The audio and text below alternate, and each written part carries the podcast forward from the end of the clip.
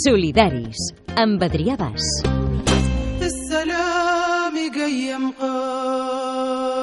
No fem diferències. Recordeu la flotilla de la llibertat de l'any 2010 que va intentar trencar el bloqueig de Gaza? Aquella primera expedició va ser abordada per l'exèrcit d'Israel i va haver nou morts i desenes de detinguts embarcats des de diversos països. Hi viatjaven personalitats i activistes defensors dels drets humans, advocats, polítics, artistes... Aquella flotilla es va repetir fa un parell d'anys. I ara, per tercera vegada, dos vaixells salpen del port de Barcelona. Aquesta vegada a bord una tripulació íntegrament femenina. La Marta les va anar a acomiadar a la Barceloneta, la xarxa Molina més marinera que mai. Dos vaixells tripulats i capitanejats per dones es troben en aquest moment navegant pel Mediterrani amb rum a Gaza, a Palestina.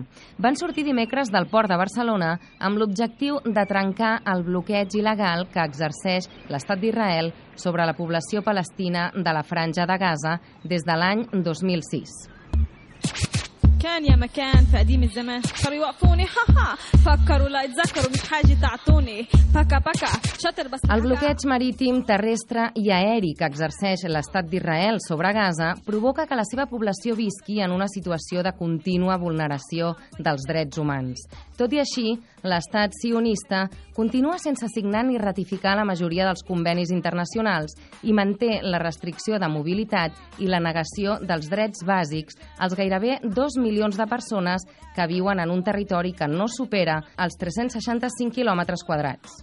Nosaltres hem volgut conèixer algunes d'aquestes dones vingudes d'arreu que s'atreveixen a desafiar el bloqueig per mar.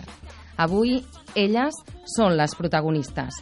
Zohar Chamberlain, israeliana, que ja havia participat com a passatgera de la segona flotilla de la llibertat.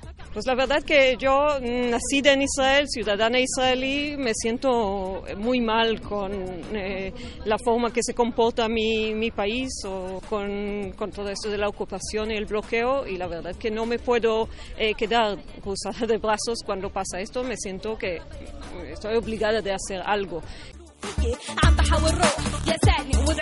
Hay dos barcos, hay el Saituna y el que estamos ahora. Que se llama Amal, Amal que significa esperanza.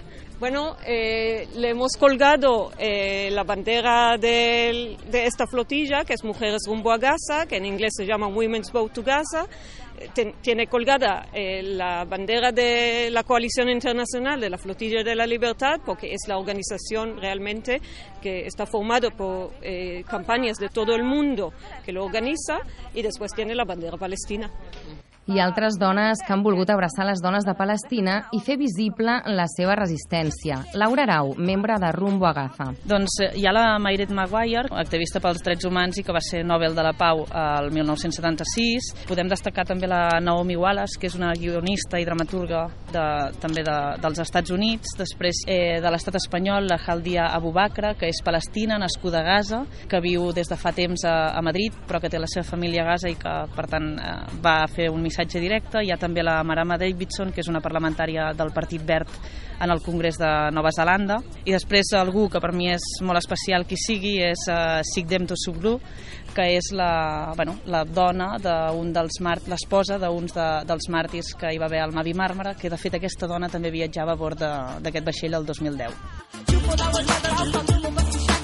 Aquesta senyora és molt reconeguda dins de l'esport del taekwondo al seu país. És una lluitadora nata, ja quan estava en el vaixell eh, era una persona d'aquestes, una dona que es veia dona amb, caràcter, no, diguem, i quan, eh, bueno, quan el seu marit va ser un dels executats per segons els informes eh, forenses per l'exèrcit d'Israel, doncs aquesta dona s'ha pres també, no, ha sumat a la seva lluita, la lluita que també portava el seu marit, i ja bueno, doncs en troba en, com a la flotilla una eina per continuar fent aquesta denúncia que portaven fent en parella perquè estaven junts en, en aquest vaixell i que ara ella segueix doncs, eh, fent també un pas més endavant en aquesta flotilla de dones.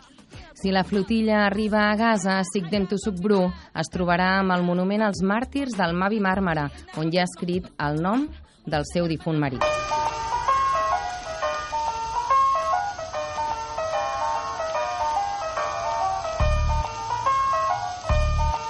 Ann Wright, de 70 anys i excoronel de l'exèrcit dels Estats Units, és una de les responsables de la tripulació dels vaixells. Wright va deixar el seu càrrec al Departament d'Estat dels Estats Units quan el govern de George Bush va declarar la guerra a l'Iraq i des de fa anys s'ha convertit en una activista defensora dels drets humans. Wright ens explica per què és important que la flotilla, aquest cop, sigui només de dones.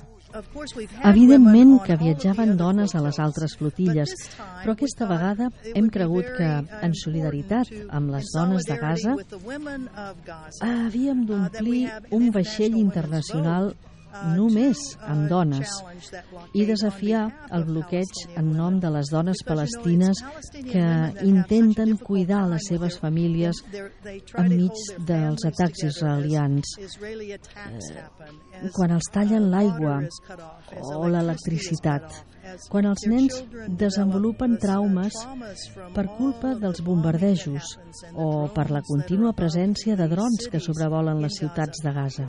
Gaza és un lloc molt poblat. 1.800.000 persones viuen en una petita àrea de 40 quilòmetres de llarg i 8 quilòmetres d'ample. La gent viu molt atapeïda. Els israelians no paren d'enviar avions i no saben quan un coet cau en una casa o en una altra. Els nens estan traumatitzats.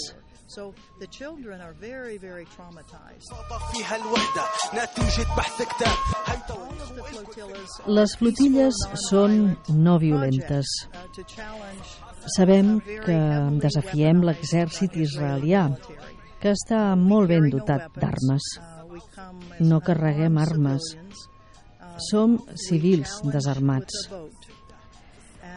Sabem que hi haurà avions, eh, submarins, vaixells que se'ns acostaran, eh, nois joves de 17, 18, 19 anys que ens apuntaran amb armes. Diem públicament que som pacífiques i esperem la mateixa actitud d'ells, que ens respectin. Però també sabem que no sempre és així. El 2010, els israelians van atacar una flotilla i van matar nou persones allà mateix i una va morir després. 50 persones van ser ferides. Sabem que són capaços d'utilitzar la força militar contra nosaltres, però nosaltres sabem que no haurien de fer-ho. Nosaltres som no violentes. Esperem que el seu govern els digui que no matin, que no disparin contra els civils desarmats. I espero que el meu govern dels Estats Units faci el mateix.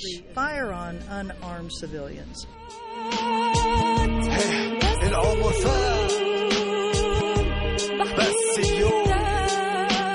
comenta Wright, les dones de la flotilla s'exposen a un possible atac, però són conscients del que pot passar i estan disposades a assumir-ne el risc per trencar el bloqueig. Haldia Burakra és una altra de les passatgeres de la flotilla.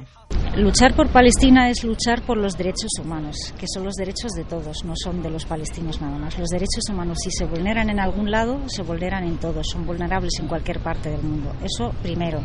En segundo lugar, yo soy palestina, yo he nacido en Gaza y soy palestina de origen, soy española de nacionalidad y para mí es fundamental esa lucha por mi gente, por mi pueblo y, y, la lucha de todas las personas que participan tanto en la flotilla como en otras organizaciones que apoyan la causa palestina es una lucha humanitaria, es una lucha de, de paz y de solidaridad para no permitir que pase en un lugar del mundo lo que está pasando en Palestina. Algunes parlamentàries europees també han volgut mostrar la seva solidaritat fora de l'àmbit de les negociacions dins dels despatxos, com la sueca Morlin Björk. Uh, el Parlament Europeu ha fet recomanacions sobre el bloqueig, insistint que s'ha d'acabar i que és il·legal d'acord amb el dret internacional. Però la qüestió és que els estats han estat molt dèbils. Crec que haurien de fer com Suècia, reconèixer l'estat de Palestina i prendre decisions polítiques davant les expectatives d'acabar amb l'ocupació el bloqueig i els assentaments il·legals.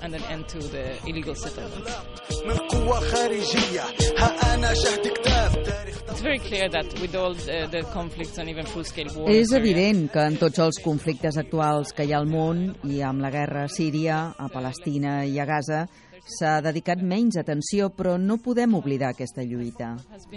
Crec que cal donar suport a la campanya de boicot als productes que venen dels territoris ocupats i pressionar els governs perquè siguin valents per dir a Israel que necessitem una solució política. I jo, que em considero feminista, crec que la dona ha de tenir un paper important i hem de tenir dones al voltant de la taula per trobar una solució per Palestina. Els dos valers encarregats d'aquest repte, batejats amb el nom d'Amal, Esperança i Zaituna, Oliva, pretenen arribar a Gaza plens de solidaritat femenina a principis del mes d'octubre.